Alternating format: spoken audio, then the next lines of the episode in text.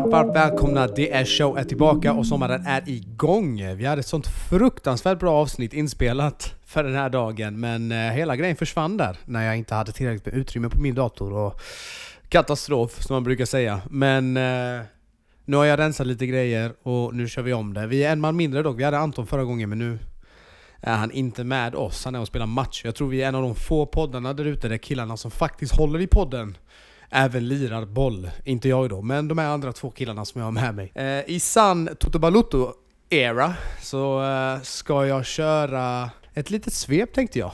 Vi, vi kör igång, vi hugger in, det är sommar och eh, jag ska channela min inre eh, Gusten Dahlin här. Och eh, hörde du detta Gusten så fixa gärna ett jobb på Simor.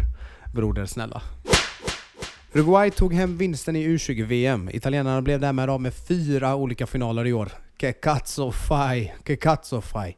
Bellingham tar med sina talents ner till Madrid för att visa att fler britter klarar av La Liga. Fan, just nu, ja, det var väl bara Gareth Bale hittills. Tahirovic tar sig till talangfabriken Ajax i hopp om att få spela mer än vad han gjorde i Roma.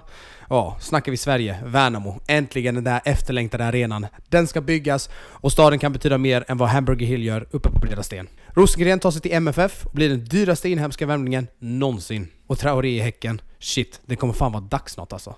Adis Porovic, vart fan ska vi börja? Ja du, det är en bra fråga. Mycket som har hänt. Lite sena på pucken kan många tycka kanske, men på grund av dina erfarenheter där med att inte kanske ta bort det här gamla som vi har spelat in så ja, får vi spela in det här utan Anton som är och spelar match. Men eh, det är inget att gråta över, det är bara att köra. Exakt. Ska vi, ska vi börja där vi hör hemma eller? Värnamo? Vilken jävla grej det blev. Ja, det blev bra nyheter till slut. Både du och jag satt ju och kollade på det här, eh, vad det nu heter. Det kanske du vet bättre. Ja, kommun, kommunfullmäktige när de skulle rösta där, men det tog ju 30 år tills det blev någonting så vi stängde ju ja. och satte på. Det var ju att lyssna på när någon sosse där hade fått lite matrester i brevlådan till att någon gubbe skulle snacka om procent och lån och pengar hit och dit och det enda vi satt och väntade på var ju det här jävla arena-beslutet som tog hundra år men de måste väl lura befolkningen på något sätt och då är det väl att snacka om arenan sist eftersom det var väl det alla satt och väntade på. Så blev det väl. Men de fick igenom det till slut och den här arenan kommer byggas i Värnamo. Stort grattis till Värnamo! Nu äh, äntligen kan betyda lite mer än ja, vad det gör idag kanske. Ja, väldigt kul. Eh, vi körde ju en insamling med, en namninsamling, bara som en liten rolig grej och det var ju fan många som skrev på den. Över 500 stycken, upp mot 700, jag vet inte ens hur många det var till slut. Ja, det gick fort där i början. Ja. Eh, så att det eh, tackar vi för. Tackar och det tackar nog alla idrottsintresserade i Värnamo för också. Faktiskt. Sen vet vi inte hur mycket det påverkade men någonting har det säkert gjort. Så är det ju. Och en speciell shoutout till uh, Kamrattolvan. Hjälpt oss med där och uh, Jocker Media också. Uh, stort tack gubbar. Men utländskt då? Adis, ska vi börja med U20-VM eller? Ja det kan vi göra. Mina förhandstippade favoriter torskade på mållinjen som Ja, man kanske kan säga att hela Italien gjorde i år. Jag sa ju att det var italienarnas år, men eh, det började ju med den här U20-VM-finalen där det var Italien mot Uruguay. Och det var sydamerikanerna som drog det längsta strået. Faktiskt. Men eh, jag missade tyvärr matchen, men en av eh, namnen vi, eller ett av namnen som vi nämnde från eh, Interakademin som just nu tillhör Chelsea men är utlånad till Reading. Vann ju både skytteligan och eh, ja, VMs bästa. bästa. spelare då. Precis. Casseday eh, som vi snackade om va? Casseday ja. Fina Casseday. Eh, kul för honom. Och ändå Verkligen. på något sätt kul för italienarna men fan, torska fyra finaler i år alltså. Vi snackar, ja. vi snackar CL, EL, Champions League, Europa League, eh, Conference League och, eh, och så den här U20-VM-finalen. Det är, eh, det är svagt alltså. Det är svagt. Ja, det är tråkigt att de inte kunde ta någonting av det. Vi ja. båda vet ju vilken vi helst hade velat ta. Så är det ju. Men det tar vi inte här kanske. De som vet, de vet. Men de som vet, de vet. Uh... Det, ja. Men, uh, ja vad ska man säga? Grattis till Uruguay i alla fall. De ja.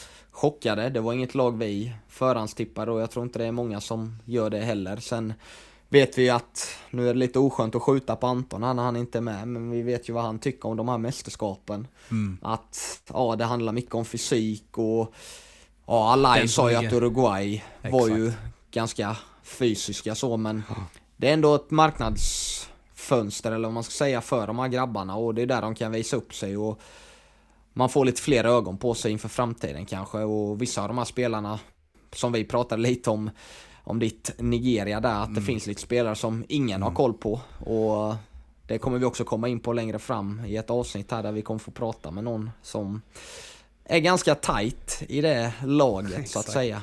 Men Exakt. vi kommer inte spoila det än här. Inte än. Men eh, 100% ögonen riktas ju mot de spelarna som har varit i U20-VM och jag menar, jag har ju tagit upp det innan. Men alltså kollar man förra U20-VM så var det ju Håland som tog skytte, skytteligan liksom.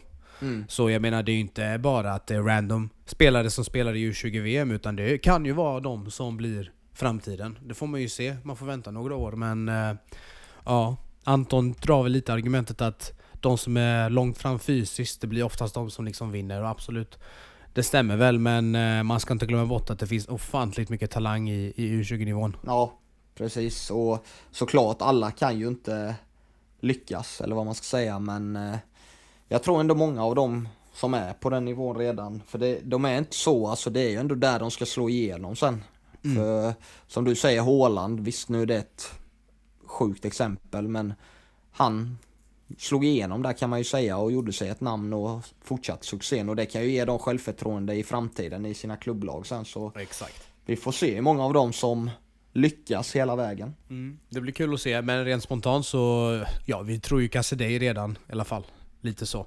Han kommer i alla fall bli någonting.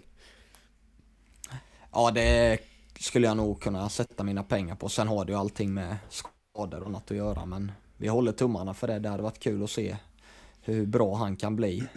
Ja, sen hade det ju varit kul eh, att ha ett svenskt lag med i det här U20-VMet, eller vad säger du Vigan? Vi har ju ändå lite ja, gubbar i det landslaget också som 100%, procent. vi, vi har ett P20-lag. Peter Amoran är med, Samuel Dahl är med, du vet, det Josef Erabi, det finns lite, du vet. Trippel A har varit med, jag vet inte om han var med senaste matchen nu, jag tror inte han var uttagen, eller om han var skadad ja. eller någonting sånt. Men eh, vadå, de mötte ju Liechtensteins U23-lag eh, nu 15 juni. Liksom, eh, och jag till och med för mig, för mig de ja. vann. Du vet, så det är så, så de mötte de som var äldre? Vad, vad händer? Ja exakt, och du vet vad, om ni ändå kan spela sådana matcher mot Liechtenstein, man, vad, vad fan ger det? Om vi ska vara helt ärliga, vad ger det? Men... Eh, Okej de är äldre men... Frågan liksom, är, frågan är, så här, vi hoppas inte det är någon, vad man nu säger, Liechtensteinare som lyssnar men Det finns nog inte så många, det finns nog inte så många spelare att välja på så de har nog bara ett U23-landslag för att kunna blanda alla åldrar kanske. Eh. Ja, jo, jo. Så, så kan det ju vara, men alltså du vet.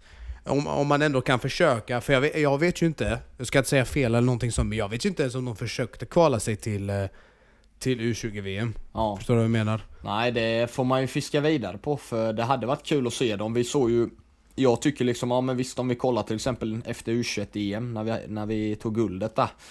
Det kan, visst ja. i och för sig det var lite större namn och hit och dit men det blir en större grej av det och man har lite hopp kan man väl säga. Sen behöver det inte betyda att de ska vinna hela skiten, men att de är med i mästerskap. Och kan vi inte ja. klara oss till EM med A-landslaget så vill man ju ändå följa någonting liksom. Det är likadant när, vi, mm. när det är damerna spelar och de är med i mästerskap så är man ju taggad för det liksom. Så att Exakt. det hade ju varit kul att se dem i ja, så många mästerskap som möjligt om de har möjlighet till det. Men som, som du säger, ja, vi får lämna det osagt om de ens har försökt att kvala sig in eller inte. Det. Ja, det vet vi inte. Men eh, jag dubbelkollade nu faktiskt för att vara helt säker. Med, ja, de vann mot Liechtenstein som jag tänkte. 4-0 brorsan. Det är liksom, ja. Du vet. De, det är jättebra för dem om de får skitbra, om de får möta du vet, tuffare motstånd. Som eh, Alai fick göra i U20. Ja men det känns att man liksom, ja. Det, det är ändå utveckling fan att möta de här riktiga landslagen. Exakt. Sen får man ju ta Liechtenstein hur man vill där men... Ja, ja, 100% och du vet, om det ändå finns ett landslag, om ni ändå samlar, du vet, P20 eh, vad, vad fan, vad, vad skadar det liksom att satsa och kvala? Sen vet jag inte om de kvalar året innan, eh, samma år, hit och dit. Kanske vi skulle frågat alla ej, men du, du ja. vet, det, alltså, möjligheterna finns och du ser ju nu, nu spelas U21-EM, Sverige är inte med, du vet, det är så här. Eh. Ja men det är lite så här, man det finns ingenting att se upp till Exakt, eller alltså, se ljuset i tunneln ja. med tanke på hur deppigt vi har det i A-landslaget. Det är ju det, och så här, jag, jag, jag ställer mig frågan, gör vi tillräckligt? Fattar du? Ja. Gör vi tillräckligt verkligen? Ärligt talat. Så här. Försöker vi ens vara med i de här stora mästerskapen? Försöker vi ens få in de här spelarna och spela mot bra landslag liksom? För Mm. oftast när vi ser, du vet när de möter landslag så här, det, det brukar ju vara typ det stuket, så här Liechtenstein och hit och dit. Och visst, ibland de möter kanske Italien, Frankrike, någonting sånt, men det är ju inte, det är inte jätteofta om vi är helt ärliga. Nej, Eh. det är det inte. Men ja, vi, vi får väl se hur de gör där, men 100% jag hade lätt velat se dem i så många mästerskap som det går, du vet. Säg att de är med i U20-VM, säg att de är med i U20-VM, U21-EM.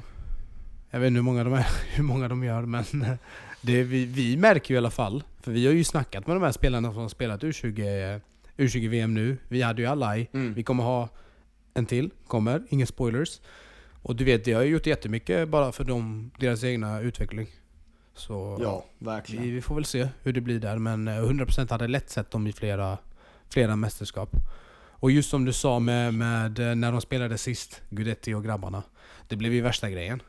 Ja men det blev ju det och visst det är lätt att säga, de gick och vann skiten men kollar vi bara när det var U17-VM när vi hade Gustav Engvall och Carlos Strandberg och Berisha och de här.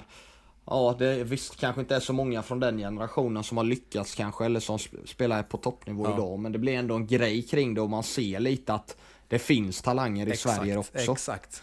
Att vi inte, vi är inte så långt ifrån i den åldern men det är ju sen därefter någonting skiter sig och det kanske man kan ta lärdom av. Ja. Och nu kanske, förhoppningsvis, att man byter eh, tränare här, förbundskapten och så vidare. Så kan, tänk om man får en, en tränare som vill ta fram unga spelare. Det är ju skitbra för både dem, för alla andra, om eh, de här yngre har spelat, du vet. De här mästerskapen. Mm, Skitbra ju. verkligen. Men eh, ja, vi får väl se. Sätt oss i eh, Svenska förbundet, vi, vi löser. Ja, vi får se vem som tar över för eh, jag hoppas absolut inte det blir Janne som Nej. är kvar men Nej. eh, det får vi lämna till någon annan podd. får vi göra. Hade Anton varit här så... Nej, jag tror inte ens Anton hade Ja, han försvarat hade- honom längre. Jag tror han har tröttnat där också. Ja, den enda han hade försvarat är väl eh, Rodén då. Ja, exakt. Men, eh, Hans favorit. Ja, Men eh, han kan få den, det är inga problem. nej. Men vi ska komma in på eh, U21-EM, börjar ju. Men jag tänker att vi först tar oss igenom det som har hänt. Eh, Ja. Det finns ju lite att backtracka på, men vi kan ju snacka lite transfers. Yes, det kan vi göra.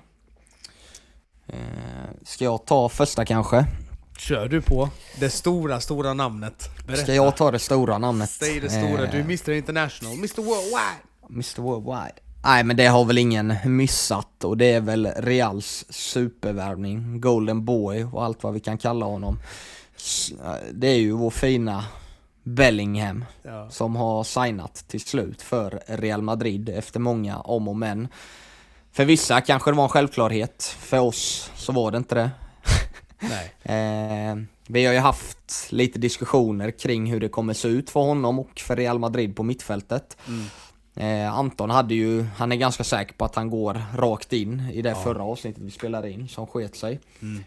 Jag tror ju mer på att det blir en liten inskolning, men det beror också på lite hur det blir med för de värvade ju en vänsterback här nu som de ja, har haft det i klubben innan. Jag vet inte, jag minns inte om han har varit utlånad och sen såld till Rayo Vallecano, men det är ju Fran Garcia som är renodlad vänsterback. Tänker du han ska ta över Kamavingas plats då? Ja men det är ju det som blir lite intressant här för att Går de inte, jag tror inte de går för en vänsterback i sommar i alla fall men i framtiden kommer de behöva klippa en oavsett. För jag tror inte Fran Garcia är redo än riktigt för att ja, axla den rollen fullt ut. Men vi får se, han kan motbevisa mig. Han är också en stor talang. Men Sen så tror jag ändå Kamavinga kommer få lira på den positionen så länge Ancelotti är där liksom. Sen har det ju kommit ut lite info om att ja, han vill helst inte spela vänsterback och visst, man kanske inte ska klaga när man går och vinner CL varannat år eller varje år men till slut så kanske man vill spela på sin position och då kanske han tittar sig om för andra klubbar som behöver en mittfältare och vill testa på något nytt. Men vi får se där lite men Magisk värvning av Real faktiskt. Jag tror Bellingham löser det galant för han verkar så jävla mogen med sin ålder. Det är Eh, det. Inte bara liksom hur han spelar och hur han liksom dominerar matcher utan allt med intervjuer och hur han har liksom man har sett och läst, liksom jag kollar ganska mycket de här klippen när England har sina samlingar. För de, det är, är det någonting som jag gillar med engelsmännen som de är bra på, jag gillar ju inte deras, ja, Allt självförtroende som de har och att de går och vinner trippen genom att köpa massa titlar och Mm. hit och dit. Men det är att de liksom lägger ut, ja men nästan hela träningen som de har eller den samlingen från att spelarna kommer. Så det blir lite som Inside City om man har sett Ja. det innan fast för landslaget. Och där ser man ändå att Bellingham är liksom, om han tar för sig, du vet han tar det här tugget som en riktig ledare liksom. Han, han beter sig inte som, ja vad är han, 20? Eller 19, fyller va? 20 kanske. Ja, 19. fyller 20. Eh, han beter sig inte som det i liksom sitt, sin mentalitet utan han vet vad han vill och det känns som att han ändå har tänkt ut den här övergången ganska rejält så det kan inte bli annat än succé så länge Nej. han är skadefri. Nej, och Sverige kör ju också såna uh, behind the scenes, men jag tycker inte de är lika... De är inte, för det första inte lika bra, men det är inte lika ofta heller. Och när de väl filmar, du vet träningen, jag inte, där de, där de ska träffa ribban typ. Alltså det är såhär, ah, vad var grejen? Ja men det, det känns som att det mer är jippo när de lägger ut som du säger, det är lite skotttävling eh, tävling och det, det känns ofta som att de spelar in någonting som content efter träningarna när de har lagt ner det här seriösa. Ja. Eh, att de kör till exempel den här då när, jag vet inte om ni har sett den, vi kanske kan släppa det på någon reel eller någonting, men när Isak får lite damp på den här uppchippen till, eh, till sig själv där han ska Ja. smacka på volley. Ja. Eh, det känns som att det är lite sådana grejer, men i England så är det ändå, de visar tempospel, de visar kvadden, de visar sin uppvärmning och lite försnack. Sen behöver man inte spoila allting, det är inte det jag menar, men man ser ganska mycket där och det är ganska intressant, eh, tycker jag i alla fall. Men eh, det är ju för varje landslag och för varje klubblag att styra vad man vill visa och inte visa, som sagt. Exakt. Exakt. Men om vi går tillbaka till hur de kanske linar upp. Jag har sett mycket, jag har sett mycket snack om att man kommer lägga Modric och eh, Kroos lite i en, eh, lite i en backup-position. Trots eh, deras stora status i laget. Och att man faktiskt kommer försöka starta Bellingham som, som alltså attacking. Ja, Och ha Kamavinga, Valverde och Chouameni på mitten liksom. Och sp- sprida ut dem liksom. Kanske Valverde och Kamavinga på kanterna.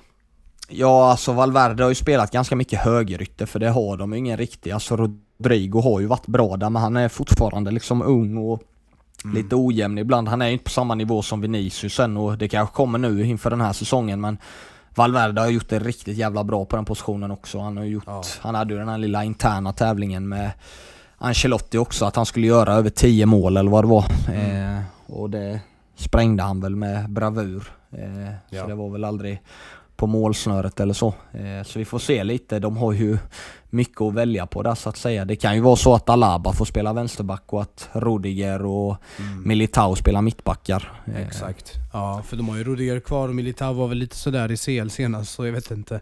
Men, ja, eh, man vet ju inte. Rudiger var ju inte jätteglad för att ha blivit Nej. bänkad i andra matchen och det kan ju ha torskat om en finalplats där också. Så. Precis. Men det är ju han Fran Garcia då som kommer tillbaka. Ja, Exakt. han var väl första värvningen inför i Ja. år.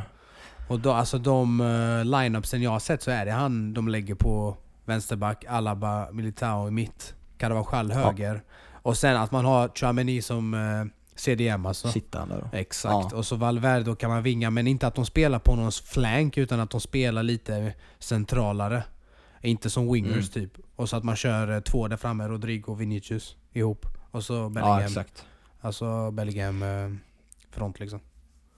Ja, sen Det- får man ju se lite. De har, de har ju tappat Benzema också så att man vet ju inte om Mm. de kommer gå för Kylian eller om de lever på den gamla räven Joselio, gamla Stoke-krigaren och Newcastle-krigaren där. Men Ja. eh, vi får se. Det är ju inte lätt att vara Ancelotti nu. Jag förstår att han vill till Brasilien för där har han inga anfallare utan där har han bara yttrar och mittbackar och mittfältare som alla är typ lika bra. Så att det blir intressant att se. Nej och sen, eh, alltså de är ju ganska, de är jävligt klara annars. Du vet, Valverde 24, Bellingham 19, Kamavinga 20, Chouameni 23. Det är så här, ja.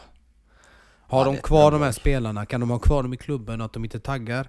Du vet, de kommer stanna länge tror jag. Om det nu är så att de trivs, att det går bra för Real och så vidare och så vidare. Såklart det spelar roll men vilken Ja. jävla framtid de har fixat.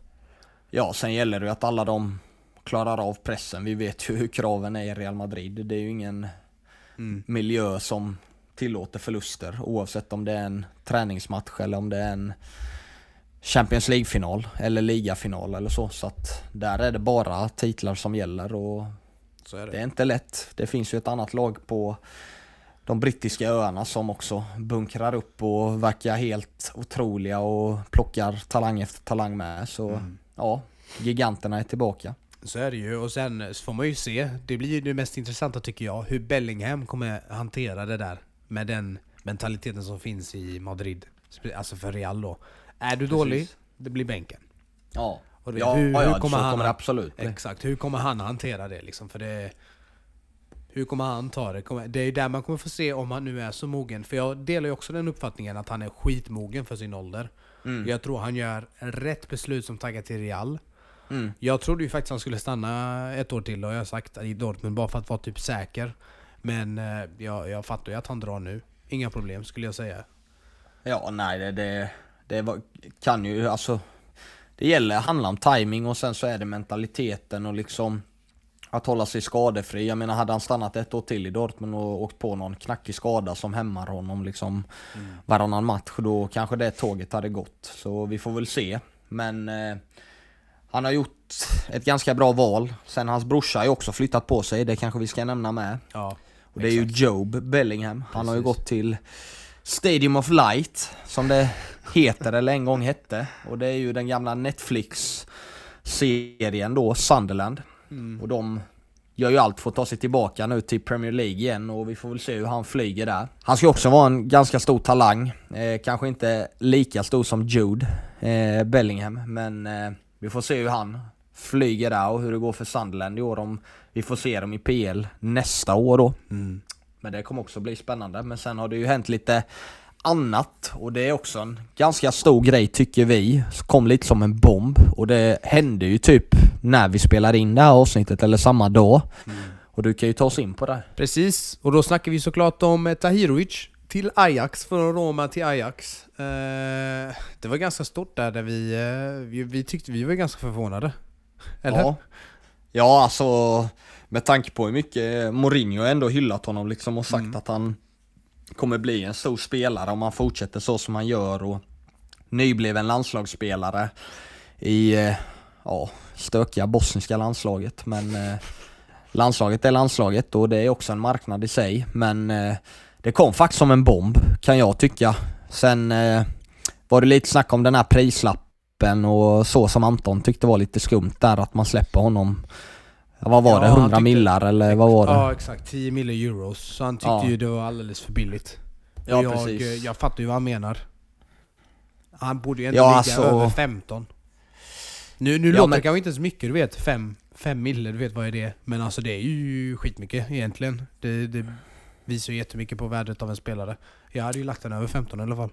Ja, alltså han, han har ju ändå, visst nu har inte han varit ordinarie i varje match eller så, men han har varit på bänken, han har liksom, ja, fått spela matcher och han har fått starta mot Milan och fått förtroende och det har ju inte ryktats om någonting utan Sen så, som det alltid är i Italien, vad jag har märkt sen jag började följa Inter liksom på riktigt för väldigt länge sedan men Det är ju det här med att de här italienska klubbarna har ju inte den banken som det är på de brittiska öarna eller i Saudi som vi märker nu utan när de gör sina försäljningar för att få in pengar och för att kanske försöka hålla kvar sina stora spelare så mycket som möjligt. Sen ryker ju de flesta ändå har vi ju märkt till exempel i Inter och i Milan att det släpps Ja. de här som man tror kommer vara profiler i klubben lämnar ju ganska tidigt och det är ju att man skickar iväg de här lite yngre spelarna som man kanske kan se ett värde i längre fram. Alltså vi har ju exempel på Saniolo när han slog igenom Inter så dominerar ju Inter Primavera-serien.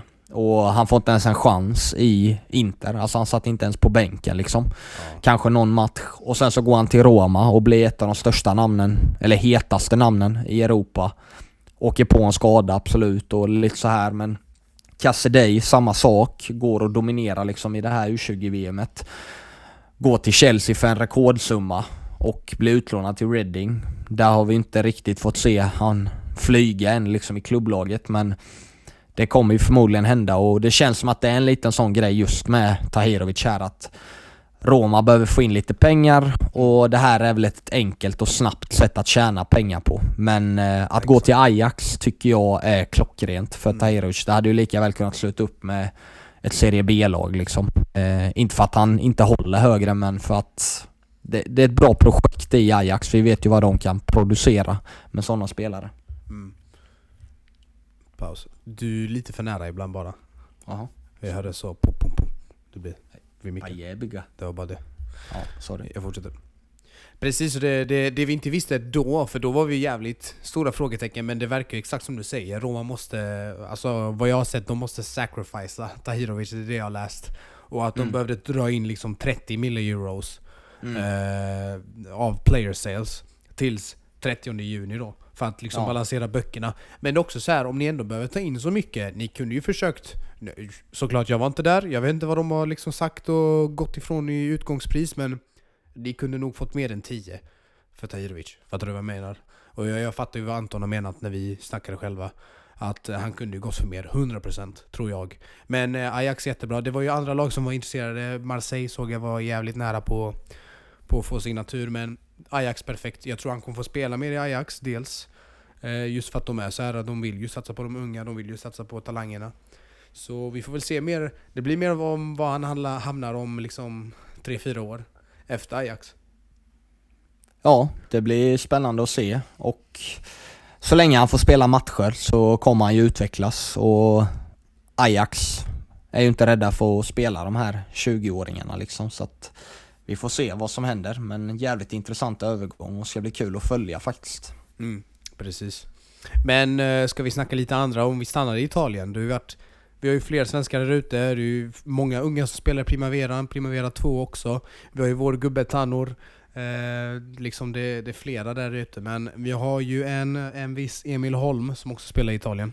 Precis. Eh, och han lider ju tyvärr i ett lag som har inte lyckats hålla sig kvar i ligan. Precis, och det är ju Spezia då som fick spela den här sjuka, ja vad ska man kalla det, playoff-matchen. Mm. Som jag aldrig någonsin har varit med om under de åren jag följt Serie A, att det ens Ja. kan hända. Det var ju att de hamnade på samma poäng och sen så går de på, nu kan jag säga fel, men det var väl att de inte gick på målskillnaden utan det är inbördes möten och Ja, där lite hade väl resultaten varit lite knackiga. Exakt.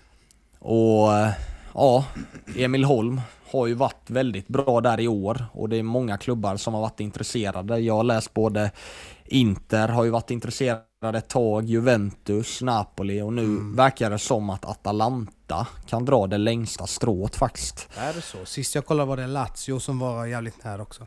Ja okej, ja jag har läst lite Atalanta där för de har ju också varit och huggt på, han verkar ju nästan vara klar nu, Isak Hien i landslaget där. Ja, exakt.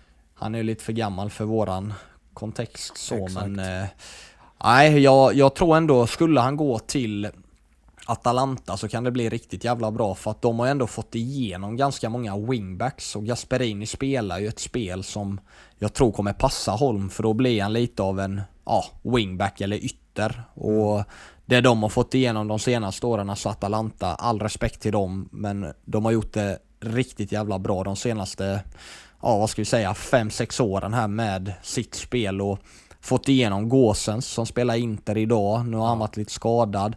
Hatteboer har inte heller varit dålig liksom. Mm. Och de har haft flera namn innan de två också så att jag tror att det hade passat honom bäst. Sen har det ju varit mycket snack om Juve av de här stora kl- klubbarna Exakt. liksom. Och läget som det är i Juventus just nu, jag vet inte. Visst de tappar Quadrado, han kanske kan gå in och ta en startplats men det är lite som med Bellingham att flyger det inte direkt då kan det gå riktigt illa att han kanske hamnar i någon frysbox och sen blir utlånad och sen så går det bara utåt liksom. Men Exakt.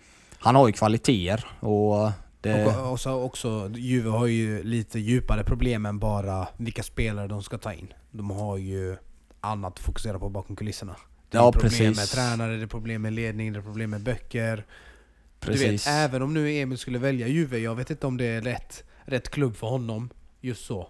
Nej, alltså det är ju det här som jag lite visst. Det kanske är finare att bo i Torino än att Absolut. Eller i, i Turin där än att bo i Bergamo. Jag vet inte vad man håller högst men Ja. man ska trivas och man ska hitta sin roll tidigt. För det, vi har ju pratat med många som har varit utomlands och det är ju mentaliteten som många trycker på att det är mycket tuffare och det är inte, du är inte där för att skapa vänner eller skapa minnen på så sätt. Utan det är liksom stenhårt arbete och man vill nog kunna fokusera bara på sin fotboll än att även ha lite vid sidan av att klubben gör lite skumma grejer i, bakom kulisserna. Ja. Host host, Nedved och grabbarna där. Ja, Men alltså, eh, det, det distraherar ju spelarna.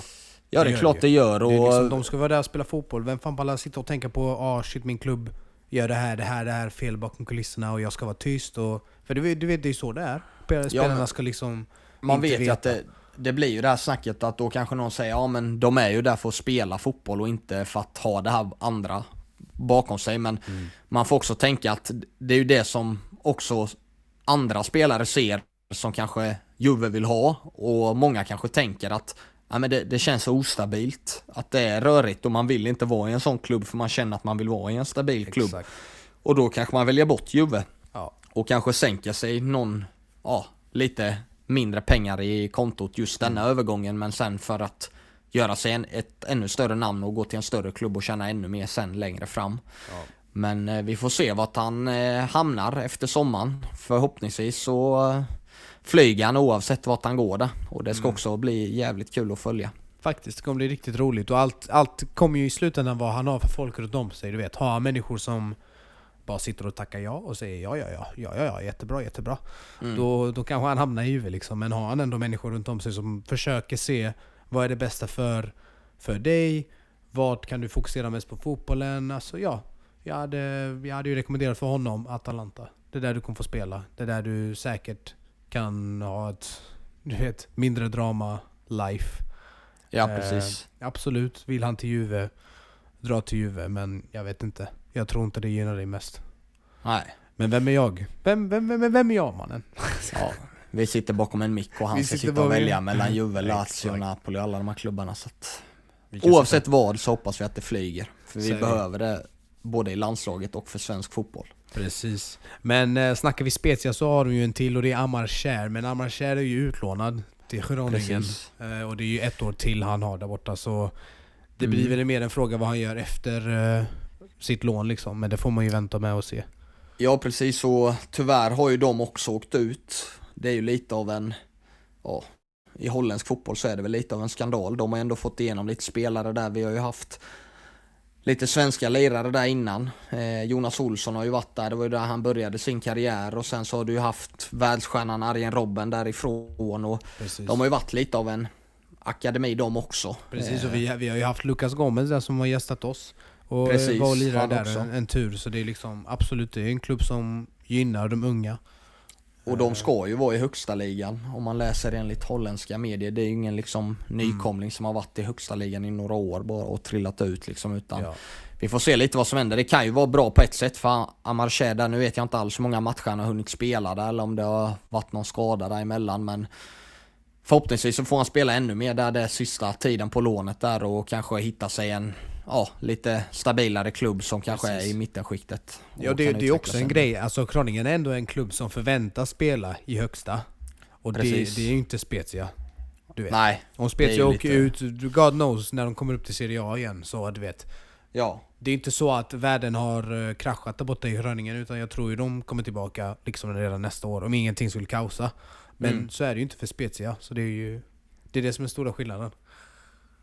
Ja, vi får se där men eh, förhoppningsvis så löser de det väldigt bra i, på det lånet där. Ja. Eh, Det kan ju vara så att de storsatsar och värvar som satan sen och att det kommer en ny tränare hit och dit och då kan det bli lite problem där också. Men det går ju alltid att avsluta ett lån och hitta en ny klubb så vi får väl se vad som händer där. Det är väl lite oklart fortfarande om han blir kvar eller så. Men eh, någon som inte vill vara kvar. det är ju Emin Hasic, vad vi har fått läsa och höra och, och se. Som inte vill vara kvar i Lecce i alla fall och inte vill förnya sitt kontrakt. Precis. Eh, hur, eh, vad kan ske där egentligen? Ja, han eh, avgjorde ju finalen i Primavera-serien där i absolut sista sekunden. Och eh, för Lecce då, om vi inte, om ni inte kommer ihåg vad, vad han spelar. Och det är ju då i primaveran så att det inte är A-laget. Men han har ju Exakt. suttit på bänken för A-laget någon match. Och han är ju då mittback. Yes. Eh, och enligt de uppgifterna som vi har läst lite om på, nu är det ju Twitter då, men det är ju gubbar som har extra koll på dem och det är ju då att han inte vill förlänga sitt kontrakt. Och då är ju frågan om det är för att han vill ha ett A-lagskontrakt i Lecce, att han pushar lite för det, att pressa dem lite. De gjorde en helt okej säsong för att vara nykomlingar i år så att de har ju också ont i i backlinjen som de har haft på lån. Han lär väl kanske inte vara kvar eller så men det har ju inte varit lätt att slå sig in där och sen så har de ju även haft den här virala mittbacken Baschirotto och har ni inte tagit reda på vem det är så är det läge att göra det nu för att han är en italiensk bonde men ser ut som en grekisk gud både fysiskt och utseendemässigt då. Eh, men eh, ja, där vet jag inte vad som kan hända med honom faktiskt. Jag, jag har sett han för lite, jag har mest läst om honom och han ska ju vara en av de här stora talangerna. Ja, alltså han har ju spelat 38 tävlingsmatcher i Primaveran. Det är ju inte så att det är liksom två matcher han har lirat utan han har ju nästan startat och spelat alla. Och han Så vann ju också den här matchens lirare för den här Exakt. finalen. Och sist vi hade en svensk som gjorde det så hette han Dejan Kulusevski när han spelade i Atalanta. Så han är nog mer än bara okej. Och vi hoppas väl på att det blir antingen då att han får ett A-lagskontrakt i Lecce så vi får se honom ännu mer eller att han då signar upp för något annat lag då Ja. men som ett A-lagskontrakt. Exakt. Och eh, det man också har läst då kring just Emin Hasic och även hans, ja om man ska säga landsman, det kan ju Exakt. bli landsman men eh, båda är ju tillgängliga för både Sverige och för Bosnien då. Mm. Och det är ju Alem Nesirevic som gick till Inter som vi också har nämnt lite Ja. i tidigare avsnitt. Och han ska ju också vara en back och riktigt jäkla bra ska han också ha varit i Inters Primavera. Mm. Och det snackas om att ja, u för Bosnien eh, och scoutar dem extra nu då efter den här succén som de har haft i sina Primavera-lag. Och Ja. det väcker väl en klocka för Sverige med. Sen vad som passar dem bäst. Jag har lite för dålig koll på Bosniens u Jag vet ju att det är väldigt många där som har möjlighet att ta andra länder. Både Tyskland och Schweiz och USA och andra länder liksom. Och Serbien och Kroatien. Men för Sveriges skull så hoppas jag ju att de här grabbarna får chansen att bli uppkallade till svenska Mm. landslaget. De har ju gjort lite landskamper. Emin var ju med här nu senast eh, för sitt Sverige.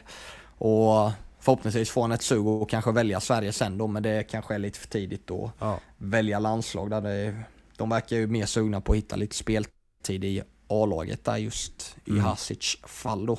Exakt. Nej, alltså det blir intressant men alltså ska vi, se, ska vi ge någon cred så är det ju till Bosniens förbund egentligen. No matter av hur mycket skit och skumma grejer som pågår. De vill ju verkligen hugga de som kan spela för eh, landslaget. Det är exakt Ja. det de gjorde med eh, Ja, det är en gubbe som du har nämnt 300 000 50 gånger liksom. Så det är ju... Det är, alltså man kan ju inte, man kan inte skylla på dem för att de bara gör sitt jobb.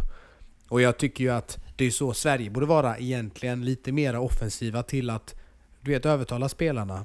Eh, sen visst, det är ju högre konkurrens i det svenska liksom, landslaget och förbundet och så vidare. Men Mm. visa att ni bryr er om spelarna. Du vet. Ja, sen, sen vet vi inte hur mycket de har kontakt med svenska landslaget och så. Och sen som Anton och vi har varit inne på innan, liksom så här, när det gäller A-landslaget. Man ska inte bara plocka upp en spelare för att låsa honom. Men det finns ju en anledning till att andra länder som de kan välja har kollat på dem och då har man inte ringt och kollat med dem så tycker jag ändå att man ska ge dem ett extra öga och kolla verkligen för att Ja. det, någonting har de ju för Exakt. att det andra landet ska vakna till och man ska inte dra ut på det till sista minuten och att de ska sätta de här grabbarna i en svår sits sen när det väl går bra för det är ju först då det ringer. Alltså det är fortfarande unga grabbar och spelar de i ett u landslag så är de ju inte låsta utan då har de ju chansen att visa upp sig om de håller på den här nivån. Vi såg ju bara hur snabbt det gick för till exempel Kurtulus som ingen hade koll på eh, nästan. Inte jag i alla fall. Har ändå ganska mycket koll på fotboll i allmänhet men från ingenstans så hamnar ju han i A-landslaget och sen har det ju bara flugit på sen dess. Och han är fast i A-landslaget där nu så att lite, om man inte har snackat med de här grabbarna så tycker jag ändå man ska hugga dem lite tidigare, i alla fall ha en dialog. Sen får man ju se vad, vad det är ju alltid olika tränare och så, vad de har för gubbar som de pushar för och som passar deras spelidé. Men de här grabbarna har ändå gjort det bra i primaveran och det är Ja. ingenting man skojar bort liksom. Exakt. Men eh, då tänker jag att vi snart går vidare. Adis. Innan vi drar ifrån här och går över till, eh, till Sverige och vad som har hänt där. Eh, har jag en liten fråga bara. Jag satt och Yes. kollade igår. Ehm, alla svenskar som spelar liksom utomlands. Ehm, och i Sverige. Goals and assists totalt. Alltså deras GA och deras poäng som de har tjänat. Och detta är ju då U21-spelare, så alla under 21. Eh, vilka tror du är... Vem, vem tror du sitter längst upp på den listan? Ja du. Alltså en gubbe som jag nästan är stensäker på och jag misstänker att han kan vara etta faktiskt. Det är ju en gammal Malmöit-grabb eh, och det är väl Tim Pritcha. Ja, faktiskt. Ja, Sjukt, du ser, du ser. Ja, Tim Ja. Pritchard ligger etta. 29 matcher, 8 mål och 4 assists. Han har ju 12 poäng. Precis, så han lirar väl i Österrike om inte jag minns fel. I VSG Tirol. Ja. Österrikiska Kul för honom faktiskt för han, eh, han har kämpat länge med Ja. att slå igenom och nu kanske det händer på riktigt faktiskt. Riktigt roligt, riktigt roligt. På, Yes. på andra plats dock, han är ju faktiskt delad 12 poäng, ska inte ljuga. Ehm, men han ligger ju såklart före på grund av målen och matcherna. Men eh, Jakob Ondrejka toppar på andra plats. Ja, det var Eh, väl ett ganska självklart namn när man Faktiskt. tänker efter. 12 matcher, 7 mål, 5 assist. Ja, han har varit riktigt bra i Elfsborg faktiskt. Ska bli kul att se. Jag hoppas att han kan bryta den här trenden med... Det säger man nästan varje gång det kommer en ung svensk spelare till belgiska ligan, men man hoppas att han ska kunna bryta den här trenden att svenskar inte lyckas i Belgien. Allt med de här playoff-matcherna som Tom snackar om till Ja, att exakt. gå till rättegång om man har fått ett rött kort och så vidare. Så... Nej men det ska bli kul att se. Ja. Gillar hans eh, spelstil faktiskt. Precis. Nej och sen, eh, sen finns det ju många namn som vi känner igen. Sebastian Anasi topp på listan, Rooney Bardghji, alltså vilket, vilken kille. Han 17 bastu, han är yngst på liksom topp. Uff, jag vet inte ens. Topp eh, av, av 17 spelare så är han liksom yngst. Ja, Sen, eh, det är sjukt. ja där har vi något väldigt extra som vi hoppas kan Ja. flyga ännu mer nästa säsong. Ja, ja, ja. Och det var vilken säsong han hade ändå.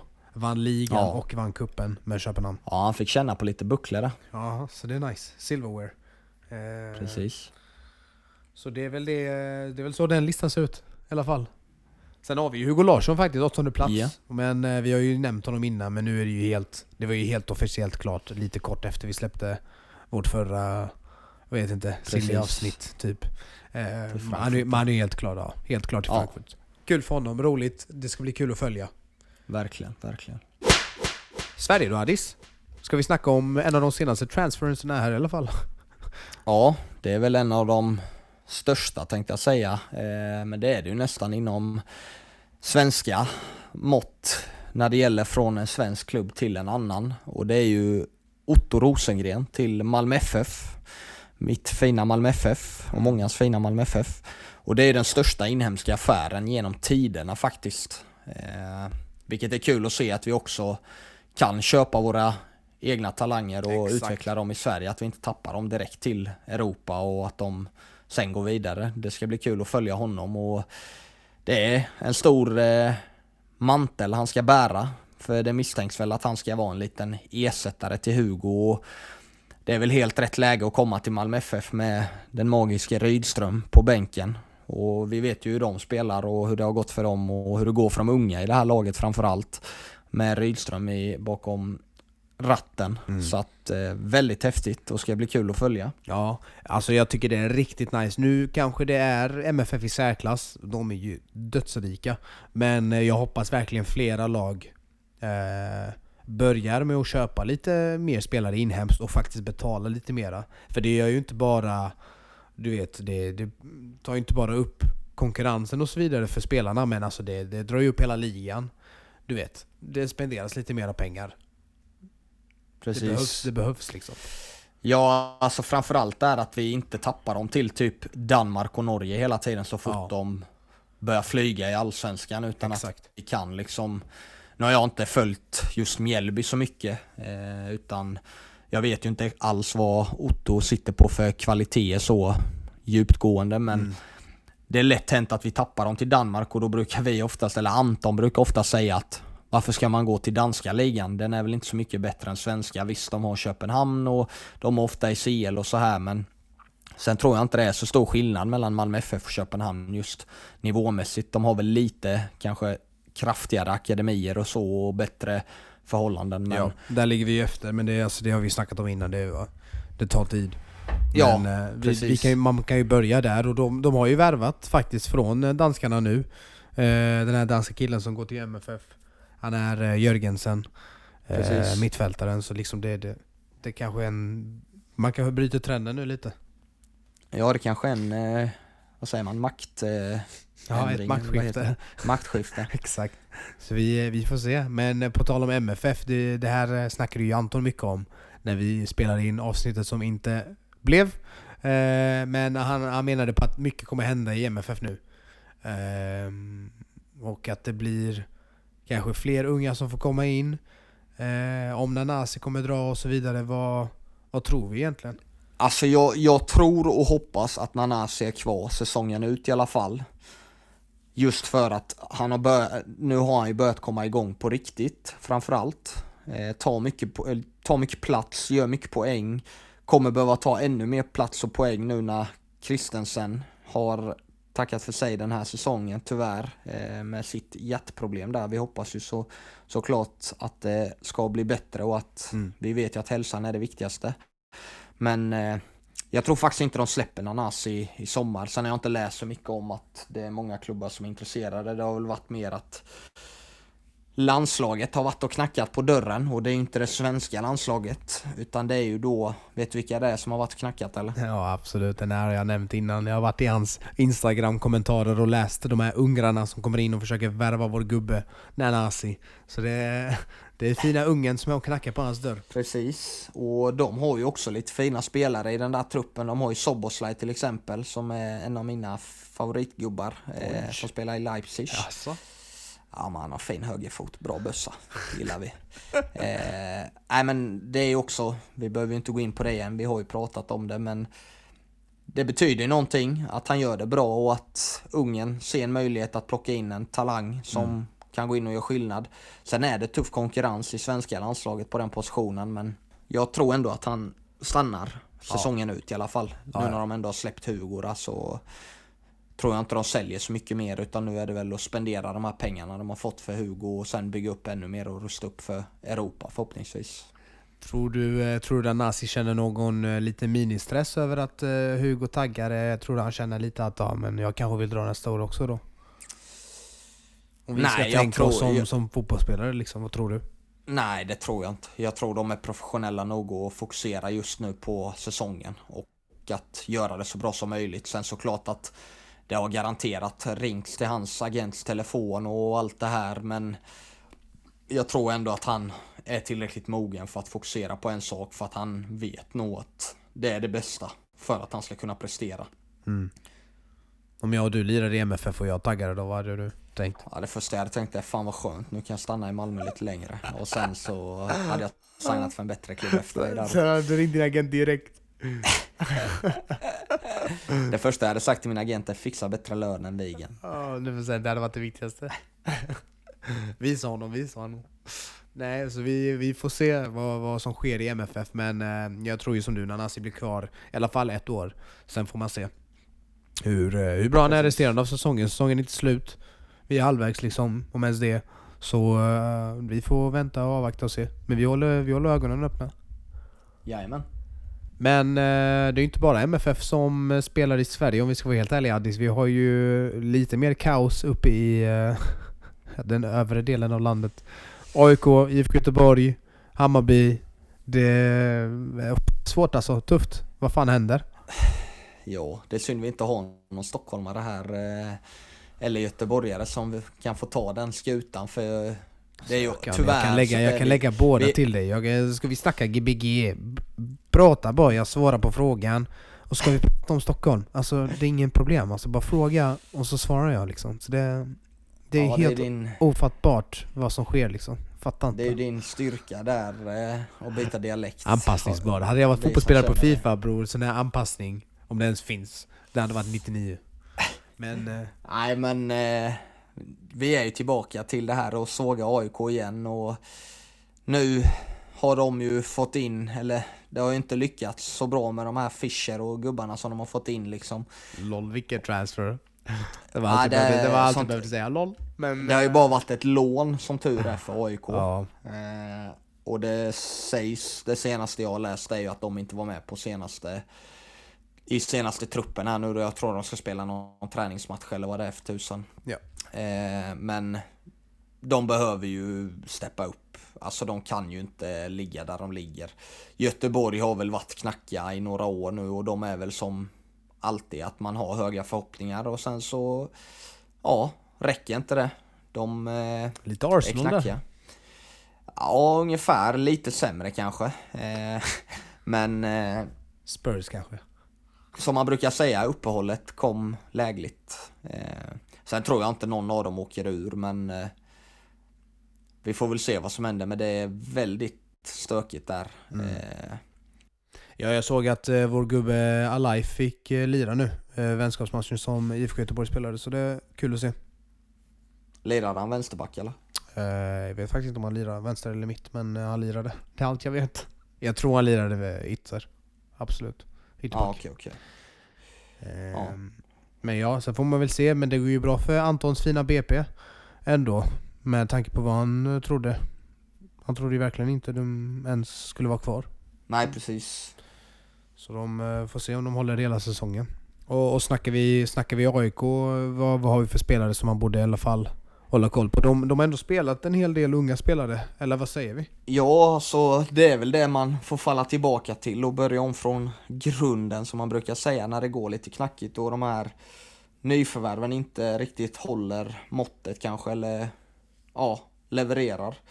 Och en av våra favoriter, Omar Farage, som du säger. Omar Farage, ja. Eh, Farage, som att han är portugis. Eh, han har ju fått spela väldigt mycket. Kan bero på att John Guidetti är och krökar hela tiden och syns på Bianca Ingrossos Instagram och allt annat. Men eh, Lite så. det får stå för honom. Han har ju lite att leverera som sagt efter att han har kommit hem till Sverige. Men eh, det är positivt för Omar och han har ju ändå spelat ganska mycket och ja, sett helt okej ut. Sen är det svårt att leverera i en klubb som Dysfunktionell klubb som Anton säger. Ja, precis. Det fina ordet där ja. Men eh, han har fått spela. Sen har de ju, de har ju flera unga. De har ju Taha Ayari. Eh, Yassins, eh, Yassin Ayaris brorsa. Robin T får ju lira en hel del i alla fall. Eh, hoppa in liksom, Andersson har ju fått hoppa in, eh, Viktor Andersson då. Eh, Mm. Sen har de ju Alexander Beraki, har fått lira någon match. Så det är ju, eh, det finns ju ändå unga spelare talanger. där. Exakt, det finns ändå Ja. något att falla tillbaka för dem. Precis. Sen är det ju, det är ju liksom en, ja, det är ont att säga det, det är en stor klubb. Eh, och de ska ju inte vara där de är och de måste ju liksom leverera. Sen kan inte bara de här unga få liksom ansvaret utan det är mycket mer som är problem där än att spelarna inte levererar. Och det har AIK lite att jobba på. Men de, Ja. som Malmö precis, så får ju de alltid igenom lite gubbar och talanger och det kanske är dags att sluta sälja så många så tidigt och kanske låta dem vara kvar lite längre men sen när pengarna är på bordet där så är det svårt att tacka nej också så att vi får se vad som händer. Exakt. Nej, och sen eh, Bayern, alltså likadant, det finns många unga spelare där. Och, eh, ja så ska man säga? Det, nu om man kollar den senaste träningsmatchen de körde nu mot Sirius. Spelar Mm. de ändå en hel del unga spelare. De spelar Djukanovic, de spelar Erabi, de spelar liksom Hammar där på mitten. Han är 22 ändå men ja, ändå. De har Demirol som lirar, de har... Det finns en hel del att välja på. Detsamma gäller ju Detsamma gäller ju eh, IFK Göteborg. Så Ja. det, det, det finns spelare att falla tillbaka på. De måste bara hitta allt annat som ska fungera. Precis, så att det, det finns många aspekter som de behöver titta på men eh, det enda vi tittar på är ju de här talangerna och Ja. se om de håller måttet och om de är för bra för Allsvenskan. Exakt, vi kollar bara vilka som gör show. Och det är där det är. Hamnar bara, handlar bara om show här. Show, show, show. är det show eller? Om någon gör show dock. Det är Traoré. Alltså, vi måste snacka Traoré. Mannen killen gör show! Addis. Show, show, show, show. Då snackar vi Häcken, snackar för er vi som Häcken. inte vet vem vi menar. Men jag, jag blir så hype här när jag snackar om Traoré. För jag... Så är det bara. Ja. Killen, alltså show. Showens farsa liksom. Vi får se om vi får se så mycket show efter transferfönstret här. Det har ju ryktats både om Rangers och Sheffield United att han ska bli lagkamrat med The Tank, Anel Ahmedhodzic. eh, men eh, han har varit helt jävla sjuk eh, i Häcken i år faktiskt. Mm. Synd så åkte han på en skada precis innan men eh, Ja. han är inte kvar länge i Allsvenskan. Nej. Tyvärr. Nej. Det är Det, inte. det har vi ju sagt till varandra själva. Han har ju varit... Varje gång han har gjort show så har vi varit i vår lilla grupp och skrivit och det är ju... Det är skitkul att se liksom. Men han är ju... Ja, Han är ju något annat. verkligen, verkligen. Ja, det, det finns inte så mycket mer att säga där Addis. Det är liksom... eh, Det, det är 13 matcher. 13 startade. 12 mål. Killen är ju... Han är för bra för Allsvenskan liksom. Och sen såklart tyvärr. Det är Ja. ingen som eh, representerar Sverige. Han representerar Elfenbenskusten. Men det är kul att få se han lira i, eh, i Allsvenskan. Ja, Eh, Riktigt och, häftigt. och se han göra en riktig show här. Så det, det har varit skitroligt. Och Häcken har ju en jävla massa talanger faktiskt. Vi har snackat om Sonko lite. Eh, vi har snackat om Romeo Precis. lite. Och det blir intressant att se om Romeo i alla fall. Om Romeo och Traoré är kvar. Eh, Sonko tror vi ändå stannar eller vad tror vi? Ja, alltså först ut är ju Traoré och han Mm. drar väl nog i sommar här. Sen om det blir Sheffield eller Rangers eller något annat lag, det får den som lever se. Men eh, Sonko tror jag ändå kommer vara den som kommer få ersätta honom där. Eh, Mm. Sen kommer ju de splasha de pengarna också på någon spelare såklart. Jag tror inte Sonko kommer vara, ja, få ta den manteln direkt för att, som du säger, 13 matcher, 12 mål. Det är inte bara att vara 17-16 år och gå in och ta de matcherna. Det var Lite som när Bangura slaktade division 1. Ja, bara att det är allsvenskan nu så att, eh, Exakt. Nej, så det kommer bli spännande att se. Ja, men det blir roligt. Ehm, men då har vi gått igenom lite Sverige, lite utomlands. Precis. Då drar vi ett streck på eh, den gångna internationella säsongen. Ser fram emot nästa säsong. Och eh, fortsätter vi hålla ögonen öppna på framtida transfers som kan hända nu i, i sommar. Eh, Allsvenskan drar igång snart, Superettan också för den delen. Eh, gäster ska komma in i podden. Men eh, Addis, vi brukar ju som sagt alltid avsluta med en story. Och eh, vi får bjuda på en, känner jag. Ska vi... Eh, Ska vi bjuda på en alltså? jag tänker att vi ska bjuda på en. Bollen är rund. Ja, jag tänker att vi får bjuda på en faktiskt. Och jag känner att, eh, jag vet inte riktigt var vi ska börja, men eh, vi har ju haft en liten lång helg här, eh, Addis, jag och du. Ja, eller en lång natt eller vad man ska säga i alla fall. Utan att, att säga för mycket. Men Ja. eh, du, eh, vi hade inte så mycket planerat på midsommar i alla fall, jag och du. Nej, det brukar se ut så när midsommar närmar sig. Eh, många vänner som försvinner. Så att säga. Många försvinner till Öland, många försvinner rent kontaktmässigt och eh, då fick man ju boka en sista minuten till eh, Uppsala då. Hem till dig. Två blader fick hänga med mig och jag fick hitta på några planer och eh, sätta igång. Så Precis, så eh, du, där var du snabb. Där var var jag snabb. snabb. Jag, jag hade lite tankar, jag hade lite grejer att dra, lite trådar. Precis. Eh, men vi tog det lite lugnt första dagen där på, på fredagen. Det var lite värm, uppvärmning. Ja, det var det ju. Eh, och det var väldigt trevligt. Lite sittning och lite sällskapsspel och annat. Sen Exakt. så hade du lite större planer då på lördagskvällen, eller Så lördagskvisten. var det. Jag tänkte, jag tänkte att jag behövde lyxa till det nu när du kommer, du vet. Så jag tänkte, "Uff, jag ska ta Addis till under bron till Trädgården, Stockholm. Värsta grejen. Det skulle vara rb kväll Du vet, från tre på dagen till tre på natten. Och jag bara hit, hit ska jag ta ads. Jag och ads, dansa på dansgolvet hela natten lång. Och eh, det gjorde vi. Vi dansade en hel del Addis. Ja. Vi eh, höll oss ändå på en bra nivå skulle jag säga. Vi Ja, tappade inte oss, vi det- gjorde ingenting sånt utan vi har skött oss bra killar. Ja, ja, vi har Eh. inte gjort några skandaler eller Inga shower. skandaler, inga Inga- Gudettis med Bianca här utan Nej. vi hade ju andra problem jag och du. Ja, det var ju efter sen då. När vi ska ta oss hem. Och då var det ju så att vi satt och tog vår sista drink. Vigan tog sig en liten Red Bull Vodka eller vad han drack. Och jag frågar ju honom när vi ska kanske börja titta på tåg hem då från Stockholm till Uppsala. Och... Eh, Vi, vi kollade relativt tidigt ändå. Vi kollade ganska tidigt och, och då kollade jag och det var två pendeltåg kvar. För de som Precis. inte vet, Stockholm-Uppsala är ungefär 60-70 kilometer. Eh, ja, Ish. någonting så, 40 minuter med snabbtåg. Med eh, pendeltåget så är det en timma ungefär. ja, Men eh, pendeltåget går inte hela natten utan den sista går halv tre, tror jag. Nej, halv två. halv två tror jag det. Halv två går den. Sista går halv två från Stockholm. Därefter måste man ta nattbussen då, som är kaos. Eller vänta in tåget på morgonen. Exakt, vänta till klockan fem då. Precis. Och eh, vi hade ju lite roliga planer Addis. Du hade ju bokat hemresa från eh, Stockholm ner till Växjö.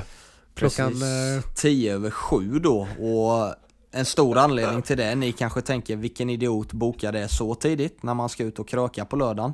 Men det var ju för att vi också skulle spela in ett poddavsnitt och jag hade inte planerat att sitta i Stockholm och spela in ett avsnitt, eller i Uppsala, eh, så sent. Utan exakt. jag tänkte jag ska ha lite marginal, ta mig hem i god tid, sova av mig lite och sen spela in ett nytt avsnitt med, med en gäst då. Precis. Men eh, som vanligt, Vigan utan bekymmer. Känner att nej, men vi rör oss hemåt. Så vi traskar in på centralstationen. Vi, Titta vi inte tänker ens här, vi på- ska ta, nej vi kollar inte ens men vi tänker vi tar den sista, vi tar sista tåget. Ja. Och, Palla tar bussen du vet. Vi, vi tar sista tåget. Vi går in på stationen, vad händer Addis? Berätta. Nej, och allt jag har fått höra varenda gång jag har varit ute med dig, antingen i Uppsala eller i Stockholm, är att man absolut inte vill hamna i den här sitsen då tåget blir inställt. För att det är ett jävla liv och det suger att åka buss, Så speciellt det. så sent. Och när vi kommer till sista skärmen och vi ska gå ner till tåget så lyser det rött på skärmen. Och det kan ju inte vara något annat tåg än vårat, såklart. Så där står vi, halv två på natten, eh, trötta, Som pissenödiga, fan, trötta som fan. Hungriga. hungriga framförallt. Och ja, det kom en och annan albansk och bosnisk svordom och upp och ner för de här trapporna för att komma på en idé hur vi ska ta oss hem. Och vi traskar in på Donken och kommer på att vi är ju dumma i huvudet som inte bokade hotellrum dagen innan och kanske tog med Verkligen. oss väskorna till hotellrummet och dumpade dem där innan. Men, Det är lätt att vara eh, efterklok. Det är lätt att vara det efterklok. är lätt att vara efterklok för vi kunde ju också gått hem tidigare. Men Så var eh, det. Så var det det. var ju trevligt också. Så det blev bussen hem. Vi kom hem vid fyra på stationen i Uppsala. Vigan, stenhård, trött, har sovit hela bussresan. Ja, Bestämmer sig för att ta taxi hem till honom. Sen är det en timma sömn och sen så står Ubern och väntar på mig utanför eller vad man ska kalla den. Ja, Bolten. Nej, Det, det Bolten. var sjukt. Man, jag minns typ alltså, två sekunder av, av allting du vet. Det var bara in på bussen, jag slaggade sönder. Oh my god, världens kallaste buss. Ja, det var svinkallt också. Fy fan.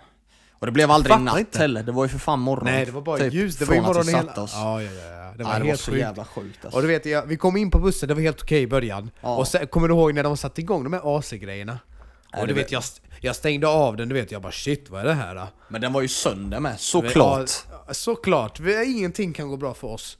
Du vet. Och det, alltså jag lovar, det blev ju typ minus, eh, fan minusgrader där inne på bussen och vi sitter där i t-shirts. Ja, I var... polos och t-shirts och höll på att liksom frysa ihjäl. Och jag, redan förkyld, som ni redan har hört här. Blev ju liksom, eh, jag får ju typ, eh, fan, får ju ångest där. Jag bara fan, jag kommer aldrig bli frisk liksom. Men jag, jag däckar ju, och du däckar ju tyvärr inte hela resan för du, Nej, du har lite svårt att på bussar. till Det är lite. inte alla som kan, ja, alla kan Nej. sova på bussar och flyg liksom. Men tyckte mest synd om dig. Så det var, vi kom till Uppsala, tog taxin hem, sov. Du väckte mig, skrämde livet ur mig när du väckte mig. Fan jag såg bara någon kille stå i dörren, jag bara mannen vem fan är det här? Jag blev ju skiträdd. Jag bara uff! Ja, det var... Och sen, på tal om det, inte nog med det. Som sagt, jag tog den här tågresan både för att den var lite billigare, inte för att det var så stor skillnad, men för att vi skulle spela in ett gästavsnitt Precis. på söndagen. Men Och, det slutar eh, ju med att jag kommer hem vid ett-tiden, kastar in väskan i lägenheten, duschar av mig efter att ha suttit på det tråkigaste krösatåget i mitt liv. Där jag fick byta i Nässjö. Sen så slocknar jag runt tvåtiden och ja, vaknar av att telefonen ringer. Då är det ju en Mr Vigan Ibrahimi som ringer och det blev ändrade Fråga om du planer. lever. Fråga om du levde. Och du, du var väl lite trött och jag förstod. Jag var också trött, hade ont i huvudet. Så, ja, det eh, var... Fy Så vi, så vi var, vi bara, nej men vi flyttar fram till nio. Vi skulle spela in klockan sex på kvällen. Jag bara, nej men vi flyttar fram till nio. Du vet. Mm. Ja. Jag väntar till nio. Och vi är fortfarande lika döda jag hade skitont i huvudet. Och eh, ja, gästen kunde väl inte, det passade inte skitmycket för gästen heller. Nej. Så vi, vi sa att vi flyttar fram det lite. Och eh, så kör jag och du ett avsnitt imorgon. Så där, så här sitter vi idag. Här sitter vi. Men som man brukar säga, det är ju detta som skapar minnen. Även om det är jobbigt. Vi hamnade ju i en samma liknande sits i Köpenhamn på väg till Milano så att eh, det är ingenting vi kommer glömma. Men jag gör gärna inte om det. Eh, Var det resan till Milano inte. du menar? vad sa du? Eller resa, resan till Milano menar du väl? Ja, från Köpenhamn. Ja, precis. Jag tror du sa från Milano. Nej nej, från. Köpenhamn till Ja, Milano. ja, det, den kan vi dra lite snabbt också. Vi, vi, vi skulle spendera hela natten på, eh, på eh, Kastrup. Precis. Och eh, det var ju fan det värsta jag varit med om. Men också det roligaste. Vi var ju skittrötta, skulle slagga. Och det var ju alltså, det var ju som att vara på ett, ett zoo som, som de är tre olika männen snarkade. Det var ju fan det sjukaste jag ja, hört. det var som att det var en tävling fan. Alltså det var ju stört, och du vet den ena killen typ vaknar och tror typ att va, varför snarkar de andra killarna? Man, du snarkar ju lika högt. Och du vet, vi var ju vakna, alltså det gick ju inte att hålla sig för skratt. Vi bara, vi bara, jag, do, jag dog ju av skratt, jag tyckte det var skit, jag, du vet natthumoren den bara tog mig, jag tyckte det var så roligt. Johannes höll ju på att smälla av totalt ju. Ja, alltså jag, jag, satt, jag satt ju och grät typ, så roligt, alltså så mycket jag garvade. Det var, alltså. det var så jävla overkligt och sov sådär typ en, två timmar. Och du skulle klippa avsnittet samtidigt men det gick ju sådär. Ja just det, skulle klippa. Ja, bullrade. Ja, så jag bara nej, vet du vad, det, det, det får, får skita i. Jag har många sådana här klippa, klippa avsnitt-stories från eh, både det show-tiden men också bänkvärmartiden som jag har hållit på med. Så det, ja, man gör det för konsten Adis, man gör det för konsten. Han gör det för konsten. Men eh, det har gått bra ändå. Ja, du satt oss idag. Anton inte med tyvärr, hoppas han vann sin match. Men eh, det har gått bra ändå. Ja. Så jag tycker att nu drar vi det här strecket som vi brukar dra. Och eh, säger tack och adjö. Vi ses nästa vecka. Det gör vi. Ha det bäst hörni. In och Ha det följ gött oss. där ute. Absolut. In och följ oss, gör allt det där. Annars så eh, hämtar jag de här snarkande männen. Ja. Ciao tutti. Ciao tutti. Uruguay tog vinsten i U20-VM. Bellingham tar sina talents ner till Madrid för att visa att det är fler britter som klarar av sig i La Liga. Tahirovic tar sig till la- talangfabriken... Jag måste använda den. Det är svårt det här mannen, jag vet inte hur han gör det! Hur fan gör han det? Det här måste du ha med som en blooper ju. Fan, det är fett svårt. Hur gör han det mannen? Varje gång. Inte ett mål Så långt ögat kan nå Inte en droppe